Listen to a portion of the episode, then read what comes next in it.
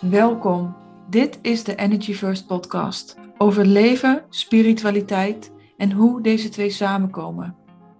Voor moedige vrouwen die hun eigen pad willen lopen en bewust in het leven staan. Voor visionairs die meer vervulling, plezier en leiderschap willen over hun leven vanuit hun unieke energie. Omdat jij weet wie je bent en wat voor jou klopt. Wij zijn Derdere en Suzanne.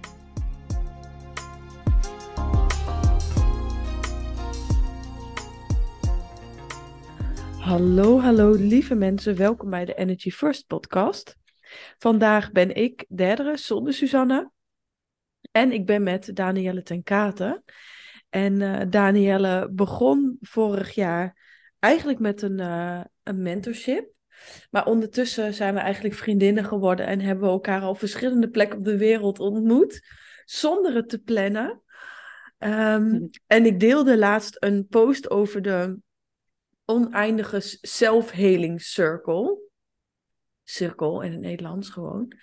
En daar reageerde jij toen op van, oh ja, dat heeft mij ook zoveel opgeleverd dat ik daaruit ben. En dat je besefte dat je daar zo in was gegroeid, dat je eerst in die cirkel zat en er nu uit bent. Um, of uit bent. is misschien overdreven dat je er maar uit moet stappen, maar dat je er meer bewust van bent. En toen dachten we, laten we hier een podcast over opnemen. Want we zijn vast niet de enige twee vrouwen die ooit in die cirkel hebben gezeten. Volgens mij heel veel. En ja. laten we daar gewoon eens over kletsen. Wat zijn onze ervaringen? Um, wat heeft ons opgeleverd dat we eruit zijn? Hoe zien wij het? Wat is onze visie? Wat zijn tips? Um, het is super leuk dat je hier bent. Ik word er helemaal blij van. Ik ook. Ja. Super blij dat ik hier mag zijn en dit met jou mag opnemen. Um, ik, vond, uh, ja, ik vond de post was ten eerste fantastisch. Want ik, ja, dat was eigenlijk wel een beetje waar ik stond, inderdaad, voordat uh, ik het traject met jou aanging. Um, heel erg in de gedachte van ik mag mezelf helen. Ik mag mezelf de trauma's oppakken. En mijn leven bestaat uit trauma's. En in a way denk ik dat het wel waar is dat ons leven bestaat uit trauma's. Maar Hè? En dan elke keer als ik daaraan denk, gaan jouw woorden door mijn hoofd van, mag het ook leuk zijn? Hè? Mag even ook gewoon een feestje zijn? Moet het altijd zo zwaar zijn? En ik denk dat dat het ook een beetje wat mij heel erg aansprak aan de post en waarvoor ik dacht van ja, daar zat ik echt in en dat heb ik nu veel minder. Is dat ik omarm het nu. Ik durf nu um, ja, het proces het proces te laten en niet meer te zien van, oké, dit is mij aangedaan. Maar meer van, oké, dit is gebeurd. Heel objectief, dit is gebeurd. En hoe kijk ik hier nu naar? Welke les kan ik hier nu nog uithalen dat het terugkomt? Want ik zie het nu heel anders dan dat ik het een jaar geleden zag. Nu zie ik het heel objectief. Alles in mijn leven is gebeurd en is gepasseerd. En op het moment dat een stuk terugkomt, hè, dat noemen we dan trauma die je mag helen, mm Komt het terug met een reden? Komt het terug omdat het verder dieper geheeld wil worden? Maar wat van dat stuk wil dan geheeld en gezien worden? En vaak zag ik mijzelf dus heel erg hangen in dat stukje van, ja, ik, ik ben aangedaan, ik ben gekwetst en mijn leven was toen zwaar en het was toen vervelend en heel erg in die slachtofferrol. Terwijl als je dan verder zou gaan kijken, dan zie je dus dat daar een hele mooie boodschap achter zit, waar je dus eigenlijk mee aan de slag kan. Dus eigenlijk een opdracht. Niet meer mhm. echt per se een les, maar een opdracht. Van hé, hey, als je dit oppakt, groei je. En dan kom je nog meer in je eigen, hè, heb je nog meer grip op je eigen potentieel. Ik denk, ja, dat is eigenlijk een beetje kort waarom ik dacht, oh jee, dit is een mooie post. Mm Ja. ja, en ik vind ook heel mooi dat je zei, ik omarm het. Want uh, we gingen net voor de podcast heel even een, uh, een kaartje leggen voor onze intentie. Toen kwam het kaartje ik omarm. Maar dat is eigenlijk ook heel erg, denk ik, wat het verschil is geworden voor mij. Als ik dan naar mezelf kijk over helen. Eerst dacht ik altijd, uh, ik ben stuk, als het ware. En ik moet al die dingen helen en dan ben ik heel. Want dan ben ik gelukkig en dan ben ik vrij en dan ben ik alles wat je maar wil, verlangt. Terwijl ik het nu veel meer zie als ik ben al heel. Ook met dat ik een uitval heb naar een vriendin of naar een vriend. Ook met dat ik soms opsta met een rot humeur. Ook met het is al heel. En als ik een trigger kom, mag ik daar zeker wel mee werken, inderdaad. Wat je ook zegt, is het een, een, zie het als een uitnodiging. Ehm, dus helemaal niet van, oh, ik ga nooit meer helen tussen haakjes. Maar ben je niet al heel? En is helen eigenlijk niet het helemaal omarmen van alles wat je bent? Alle, alle mooie kanten, maar ook alle minder mooie kanten. En als je de minder mooie kanten omarmt, of hallo tegen zegt of je armen veropent, zijn ze dan nog, hebben ze dan nog power? Zijn ze dan nog niet mooi? Of zijn ze dan gewoon life? Het leven, onderdeel van. Ja, nou ja, ik zie het gewoon eigenlijk, weet je, um, die stukken, die, die trauma's, al die momenten, al die, ja, wat wij dan donkere stukken noemen, shadows, niet leuke kanten van jezelf, um, uh, niet leuke kanten, niet leuke karaktereigenschappen. Um, ik zie dat allemaal als part of you. Inderdaad, je bent een geheel. En weet je, net als in je gezin, zou jij ook een kind aan de kant zetten omdat jij voelt het, is niet kloppend, weet je, heeft een ander karakter of een ander eigenschap, doe je ook niet. Het is ook een heel. En als je dat niet doet met andere dingen, waarom doen we dat dan wel met onszelf? Waarom willen we alleen de leuke kanten van onszelf zien? Of de shiny kanten, de glitter en de glamour? De succesvolle kanten. Maar durven we niet te omarmen dat, uh, nou ja, failure, um, dat mislukte dagen, dat minder leuke momenten, um, uitbarstingen, dat dat erbij hoort. Dat het er gewoon mag zijn. Het is een momentopname. En als je dat niet leuk vindt, hoe ga je er dan mee om? Ja. Ja, wel mooi, want ik denk dat het moment dat je die stukken in jezelf niet het liefste voor wegloopt, loop je daar ook voor weg in het leven en wordt het juist echt juist moeilijker. Dus ik zie schaduw ook als alles wat we hebben weggedrukt, wat wel een deel van onszelf is, maar wat wij niet willen wat een deel is. Dus, dus altijd inderdaad, als je constant diezelfde situatie blijft tegenkomen, dan heb jij de keuze, blijf dit nu nog denken, doen, uh, geloven. Daarin heb je iets te veranderen. Um, en tegelijkertijd Volgens mij kan je het pas veranderen als je het eerst hebt gezegd: Hi, kom er maar bij. Dat ik gewoon soms een bitch ben. Of uh, een, een, alle, ook als vrouw, alle de momenten dat je een heks bent, dat je een bitch bent, dat je een slet bent, dat je een kreng bent, dat je een. Al die dingen, ja, dat zijn wij dus allemaal. Mogen we dat allemaal weer, weet je, het heeft geen pijn, geen trigger, geen um, vastgrijping meer. Het moment dat je gewoon zegt, oh ja, dat ben ik wel eens, ja.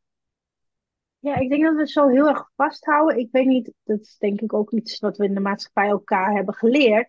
Dat dat spectrum van liefde, dat we alleen een gedeelte, wat dus inderdaad mooi is, shiny is, dat mogen we omarmen. En al het stukken wat wat donkere kleuren heeft, dat, dat mogen we liever wegdrukken. Weet je, boos zijn is niet oké. Een mening doordrukken is niet oké.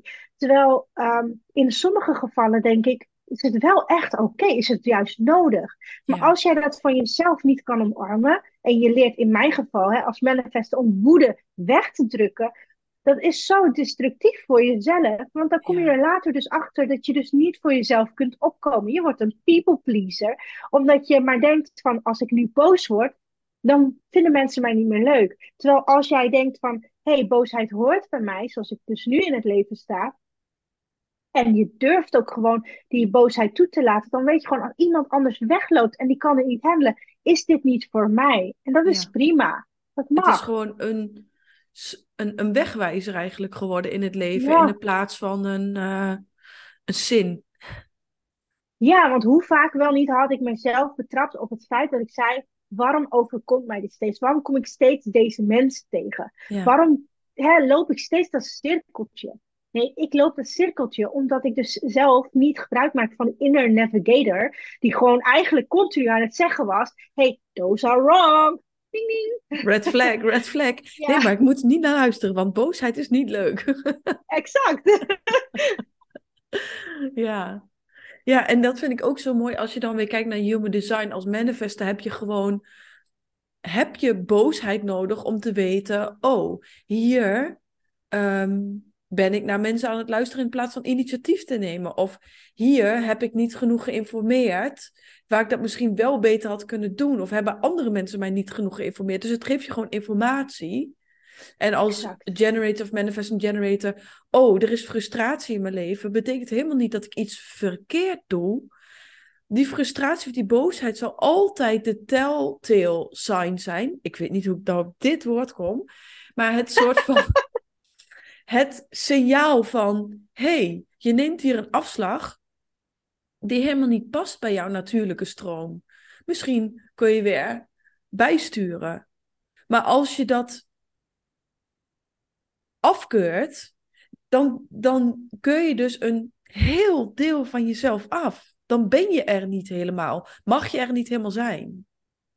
Nee, en dat is dus net het punt van het hele verhaal. Mag je er gewoon helemaal zijn? Mag je gewoon helemaal compleet zijn met wat je hebt, wat je doet?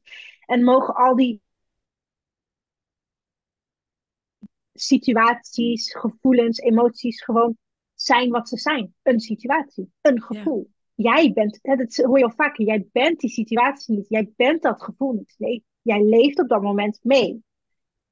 Maar als je jezelf daarvan terug kan trekken en los kan trekken en gewoon objectief kan zien, dan zie je ook dat er veel meer schuilt in zo'n moment. Ja. En dat je dus ook beter kan omarmen. Ja, en ook wel naast zien, denk ik, je ziet het, oké, je observeert het en je mag het voelen. Je mag het voelen. Dus ik wil het heel hard in de microfoon schreeuwen. Ja.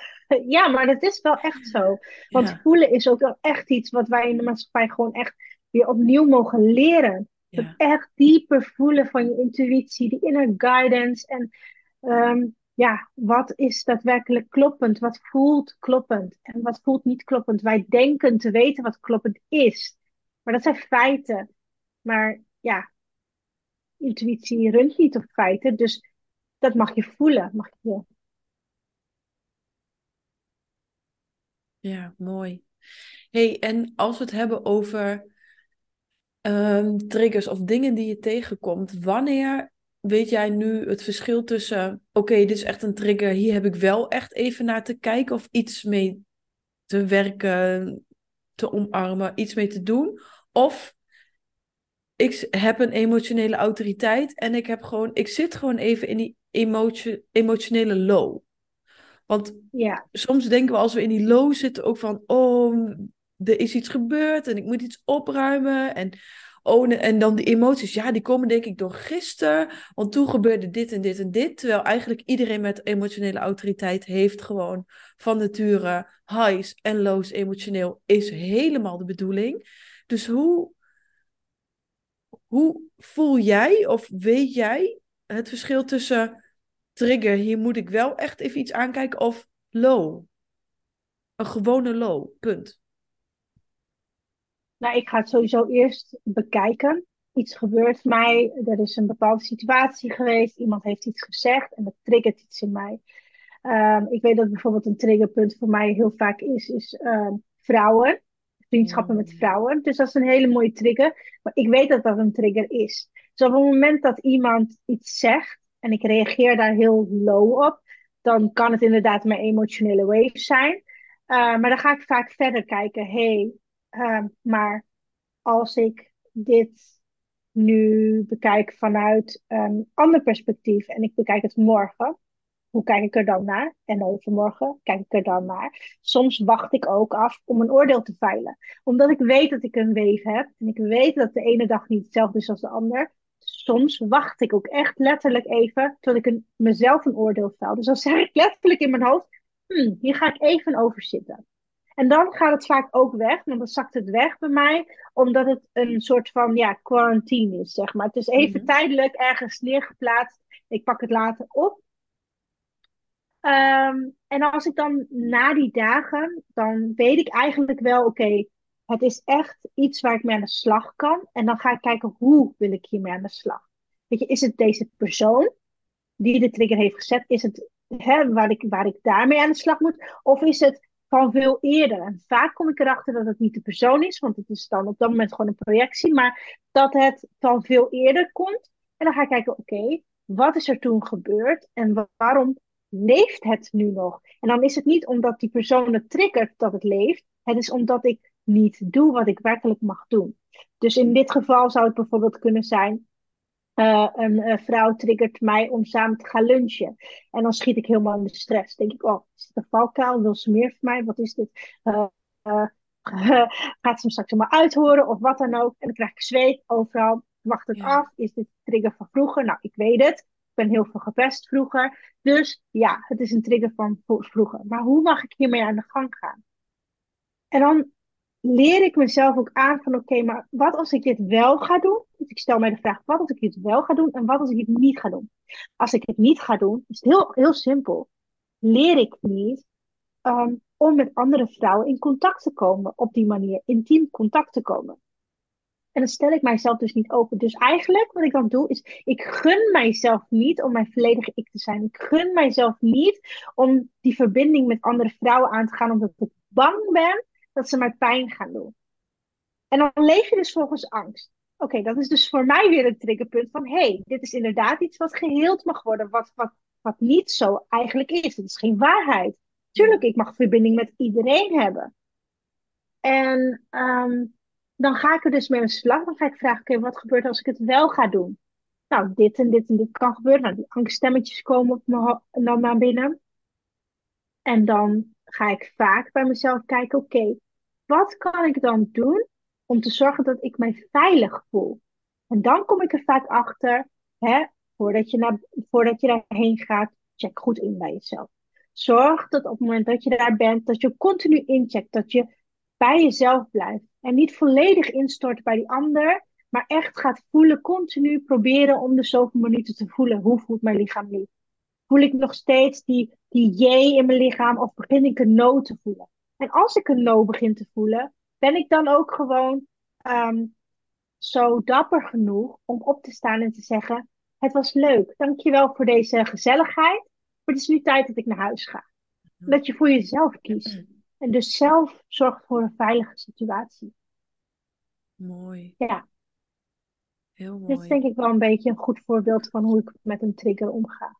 En zijn er ook wel eens momenten waarop je gewoon weet, ah, ik zit gewoon in een low. Dit is geen trigger, ik hoef er niks mee. Waar je vroeger altijd dacht van, oh, er is iets mis en ik moet nu van alles helen en ik moet iets doen en ik moet, ja. weet ik veel. Hoe zien die momenten eruit? Ja, die zie ik vaak bij thuis. Thuis zijn ze heel erg, uh, heel erg duidelijk. En daarmee weet ik ook vaak wel, s morgens merk ik het al en gedurende de dag ook. Uh, nu dat uh, mijn man dus veel vaker thuis werkt, kan ik daar ook veel beter uh, leren mee omgaan met die emotionele waves.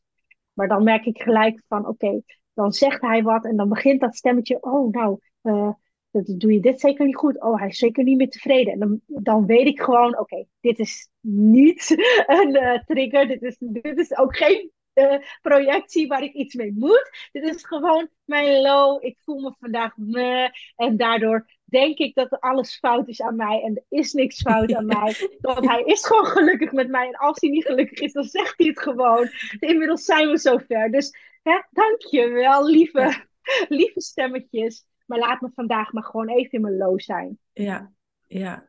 En dat is mooi. Laat me maar gewoon in mijn low zijn. En niet zo, zo snel mogelijk dingen doen om maar weer in je high te komen. Je, kan, je weet altijd wel wanneer je iets te lang blijft hangen in die low. Ehm, ja. Dat je op een gegeven moment gewoon... Ik had het laatst bijvoorbeeld een dag en stond ik op en toen voelde ik me gewoon een beetje. Mm. En toen merkte ik gewoon, de, ik ging er iets te veel in mee, weet je wel. Ik ging een beetje dramatisch doen en dan ging ik Netflix kijken, wat eigenlijk niet dienend was toen. Soms is het prima dienend, maar toen niet. En om twee uur s middags heb ik mezelf een soort van opgepakt, onder de douche gezet, nieuwe leuke kleding aangedaan, oorbellen in. En toen voelde ik me weer goed. En toen dacht ik, oh ja, ik ben ook gewoon. Soms kan je iets te uh, van, oh, blijf maar in die low, alles mag er zijn. Nee, soms moet je ook gewoon... Maar dat is een soort van... Ja, dat is gewoon een ontdekking van jaren... waarin je... Ja. Hoe verder jij ontwikkelt, hoe verder je stemmetjes mee ontwikkelen. hoe slimmer die ook mee worden en hoe meer je die ook uiteindelijk gaat um, onderscheppen. Dat je echt denkt, oh, wacht, ho, wacht heel even, wat ben ik hier aan het doen? En dan nog maakt het niet uit dat ik die ochtend gewoon een beetje dramatisch heb gedaan. Ja, oké, prima. Ja, heel herkenbaar. Ja. Ik heb ook zo'n hele lekkere inner, inner drama queen. ja, in, inner princess. Die verwacht echt dat alles dan op haar schoot komt vallen. Want zij is echt heel zielig en ze heeft al zoveel gedaan. Ik heb zo hard gewerkt, laten we nu eventjes ja, Ja, die. Precies die. Ja. Ja, ik heb het ook. Ik, ik, ik, uh, ik doe ongeveer een beetje zoals jij doet. Ja, ik, ik, soms laat ik haar even. Maar als ze dan te lang doordraaft, dan denk ik echt van oké, we gaan toch proberen, weet je wel, net als zo'n moeder met een kind doet, weet je wel, als ze zo lang ziek zijn, zullen we vandaag gewoon even proberen dat je naar school gaat. Als het echt niet wil, dan wil het niet, dat is prima, maar probeer het. En dan vaak zie je dat als je kind naar school stuurt, dat ze toch niet meer zo ziek zijn en dat ze dus niet meer thuiskomen. Ja. Nou, dat heb ik dus met mijn ja, inner drama queen ook. Als ze wil dat ik thuis blijf en op de bank, inderdaad Netflixen, dat is echt weer zo'n dingetje wat ik dus ook heb. en dan gewoon echt uh, zwijmel naar zwijmelfilm kijken, omdat ik mezelf zo zielig vind en ik ben zo moe. en dan op een gegeven moment denk ik na twee dagen, hé, hey, wacht eens even. Volgens mij heb je nog, ja, volgens mij was dit wel even genoeg we gaan vandaag toch even proberen. Als je vier uurtjes niet trekt, is prima. Heb je vier uurtjes gewerkt. We gaan even naar het atelier. Ja. ja. Ja. dat is ook wel mooi, want ik schreef inderdaad ook in die post van het gaat er bijvoorbeeld om als je bij elke vorm van weerstand denkt dat je iets moet helen. Um, of als het een keer niet goed gaat, dat je denkt het ligt aan mij, ik heb iets nog niet goed gedaan. Terwijl leren we niet ook gewoon als mensen door juist te ontdekken wat ze nee? Dus dan kan het wel dat je intuïtie jou daar daadwerkelijk naartoe brengt om daar te ontdekken, oh ja, dit was een nee. Even waardevol als ontdekken, dit is een ja. En ook dat stukje weerstand, want juist als we heel dicht bij onze verlangens komen, bij de diepste verlangens, komt er ook heel vaak angst om de hoek. We hadden het net voor de podcast ook nog even over het boek The Big Leap. Dus aan de ene kant kan soms, soms kan iets ook daadwerkelijk een nee zijn. Uh, maar ik denk ook een beetje in de zelfhulp, spirituele wereld, dat we een beetje um, door zijn geschoten in het moet goed voelen. Uh, ik zeg ook heel vaak, ik zei ook heel vaak in het traject tegen jou van het mag leuk zijn, het mag licht zijn. Maar soms weet je gewoon dat je iets mag, moet doen eigenlijk. En heb je daar weerstand op, en ga je dan denken, nee, ik moet helen. En dan blijf je maar helen en helen en helen. Om eigenlijk, eigenlijk is dat ook weer je ego. Dus je denkt dan van, oh nee, maar ik ga mijn ego helen. Maar eigenlijk ben je er vol naar aan het luisteren, omdat je dat ene ding gewoon niet wil doen. Omdat je bang bent, omdat je het spannend vindt. Kun je zelf ziek worden, kun je zelfs weet ik het wat voor dingen er allemaal bij halen. En helemaal je, eigenlijk jezelf triggeren. Zodat je maar niet die ene stap hoeft te doen. Klopt. Dat is zo kloppend. Ja. Want uh, voor het traject zat ik inderdaad in dat proces. Echt letterlijk. En ik dacht, oh, ik heb nog zoveel vertrouwen. Nee, ik kan nog niet een eigen healer zijn, want dat ben ik nog niet. Ik moet oh. mezelf eerst healen. En ik heb nog niet de tools en de kracht om het te doen. En nou, jaren, jaren, jaren. Dat is een heel lang ja. gezeur van heel veel stemmetjes. Tot eigenlijk waren we werkingen samen. En toen zei je ook van mij, je hebt alles al in je pocket. Je moet het gewoon doen. Ja. En dat is het ook. En, en ook waren het beeld hele... wat jij had van jezelf was zo anders dan de vrouw die ik nu zag. Gewoon, ja. eigenlijk kun je dan op, op, op bepaalde niveaus voelen, oké, iedereen heeft nog triggers en die gaan ook nooit weg. Maar je, je bent al geheeld, als het ware. Je, je zit niet meer. Ik ben echt niet voor dat mensen die nog helemaal getraumatiseerd zijn, zomaar teachings gaan doorgeven aan andere vrouwen. Maar bij jou voelde ik zo van, dat is er allemaal al af. Je hebt zo jouw werk gedaan. It is time. En nu ben je jezelf aan het vertellen dat dat nog niet kan. En daar is ook niks mis mee. Heel normaal. Ik heb het ook gehad. But it's time. Go girl. Want je hebt de wereld wat te brengen. My god. Ja, en dit is wel heel mooi wat je zegt, want die weerstand, die dus, hè, wat, je, wat, wat je hebt, die had ik ook heel erg. En ik ben Ja. dat gaan onderzoeken, samen met jou, maar ook alleen, Ja, om te gaan zeker. kijken, wat voor weerstand is dit dan? Hè? En wanneer mag ik er doorbreken? Wanneer is Ja. het eigenlijk hè, die last meter sticking for gold? Of wanneer is het echt een no? Ja, En dat was dus nu het geval. Dit was de last meter sticking for gold, want de weerstand zei: nee, maar dat kan je nog niet, want dan moet je eerst de opleiding doen. Nee, want mensen nemen je niet serieus, want zus en zo. En ja, maar ehm, dat je het mee hebt gemaakt wil niet zeggen dat je het kan. En dat gaat dan ellenlange door. Dat zijn Ja. allemaal stemmetjes waarvan je weet, die weerstand, daar moet je doorheen breken. Is niet nodig. ik denk dat het grootste verschil misschien ook is, weerstand zijn heel vaak die stemmen. En dan wordt het een soort loop en een ellenlang verhaal, Ja. wat zo heel naar in je hoofd, zodat je helemaal Ja. anxiety krijgt. Ja. En de nee, of de boosheid waar je naar mag luisteren, of de ehm, intuïtie die gewoon zegt, dit moet je niet doen, dit klopt niet. Dat is fysiek. En dat Ja. is eigenlijk, voelt heel liefdevol en krachtig. Ja, ik kan soms letterlijk niet doorstappen. Hè? Ik ben erop Ja. gaan letten en soms kan ik gewoon letterlijk dat ik denk, hm, waarom wil mijn lichaam niet verder? Waarom loop ik niet? Weet je wel? Alsof er letterlijk even een onzichtbare deur voor je staat of een muur waar je tegenaan loopt. Dat ik denk, oh, oh, dit is mijn lichaam. Hé, hey, wacht. Ik moet nou opletten. Het zijn eigenlijk hele simpele, ah ja, simpel zijn ze nu voor mij, omdat ik er bewust van ben. Ja, maar ja, ook om eerlijk te zijn, eh, ik denk wij allebei, dit is niet iets wat je zo binnen een dag of een week leert. Het is echt een paar keer flink op je bek gaan eigenlijk. En dan, door het te leven, door gewoon te experimenteren, door gewoon te doen en door niet bang, eh, ja, je mag wel bang zijn, maar door gewoon te blijven bewegen, ontdek je pas al deze informatie. Dit kun je niet bedenken, dit kun je van tevoren wel overlezen en over ehm, bijvoorbeeld in een meditatie ervaren. Maar de echte ervaring die echt een imprint maakt, die je daarna nooit meer vergeet, gebeurt gewoon in het leven. Klopt.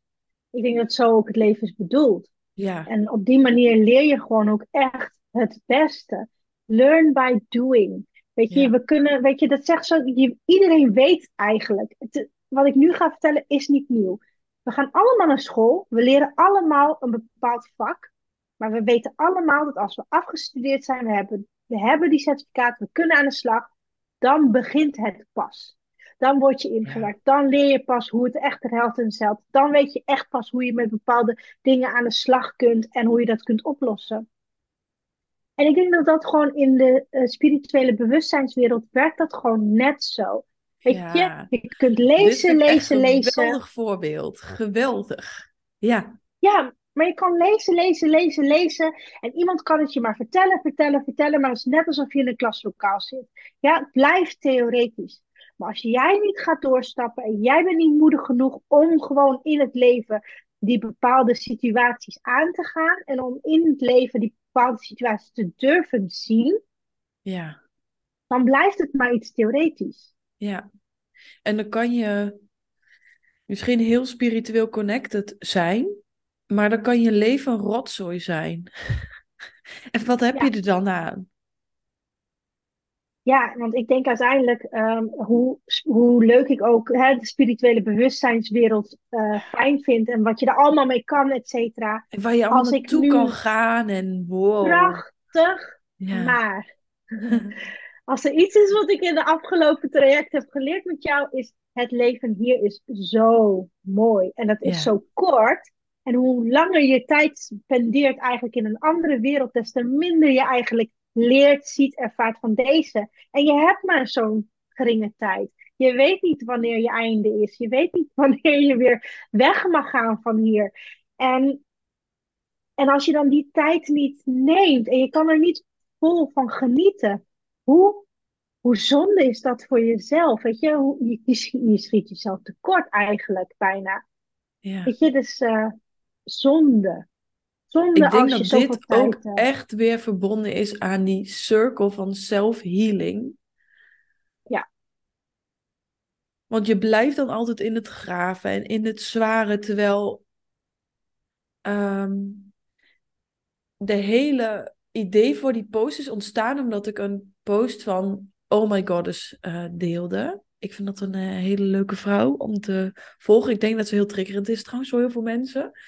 Um, maar zij zei de, de antidote to, uh, voor, dat, voor de self-healing circle is pleasure. Weer mm. plezier hebben, weer genieten, weer die joy, weer die lichtheid, die leukheid. Weer zien die letterlijk voor je neus. Want het leven is, kan echt wel heel zwaar zijn, daar ben ik het mee eens. En als je in die loop zit, is het soms echt niet leuk. Of als je een keer een nacht wakker ligt, of een keer, of soms heel lang. Um, en tegelijkertijd ligt het plezier, liggen de mooie dingen, liggen de dingen die goed gaan, liggen de dingen waar je trots op mag zijn, liggen de dingen waar je over mag opscheppen, recht voor je neus. En waar focus je op? Ja, precies. Waar focus je op? Hoeveel mensen kom ik er wel niet tegen die tegen me zeggen, maar Daan, weet je, je hebt een fantastisch leven. Je leeft in een, in een roze, op een roze wolk elke dag. Weet je, er gebeuren crisis na crisis om jou heen en het lijkt alsof jouw leven het niet raakt. En dan zeg ik ook van, het raakt me wel. Ik kies er bewust voor. En totdat mensen heel dicht bij mij staan en ook echt van heel dichtbij kunnen zien wat er in ons leven gebeurt, letterlijk, kunnen zij niet accepteren dat ook ik heel veel meemaak en ook heel veel daddy en ook gewoon heel veel momenten dat ik denk, waarom is dit nou? Waarom vinden we het leven zo leuk? Waarom hebben we hiervoor gekozen? Alleen ik kies ervoor om daar niet te lang bij stil te staan. Want er is nog veel meer dan alleen dat moment. Ja, ja. En dan denk je even terug aan ons Ibiza-avontuur. Ja. En dan denk je toch weer, oh ja, oh my god, de wereld is heel mooi. En tegelijkertijd ben ik op de mooiste plekken in deze wereld geweest. Maar als het niet goed met je gaat, kun je er niet bij. Exact. Dus dan, kun je dus dan heb je wel toch die heling te doen, maar tot een bepaalde hoogte. En dan mag je er weer uit. En dan mag je weer gewoon gaan leven. Vandaag stuurde ik nog, uh, iemand stuurde mij een berichtje van ergens waar ze vast in zat. En toen kwam de zin in mijn hoofd. Stop digging, start living. Stop met hmm. graven. Stop met graven, stop met graven. Als er geen shit is, ga dan geen shit opgraven. Nee. Dus ja, als er niet nu daadwerkelijk in het menselijke leven iets voordoet waar je iets mee moet, hoef je het niet op te zoeken. Ja. En je weet het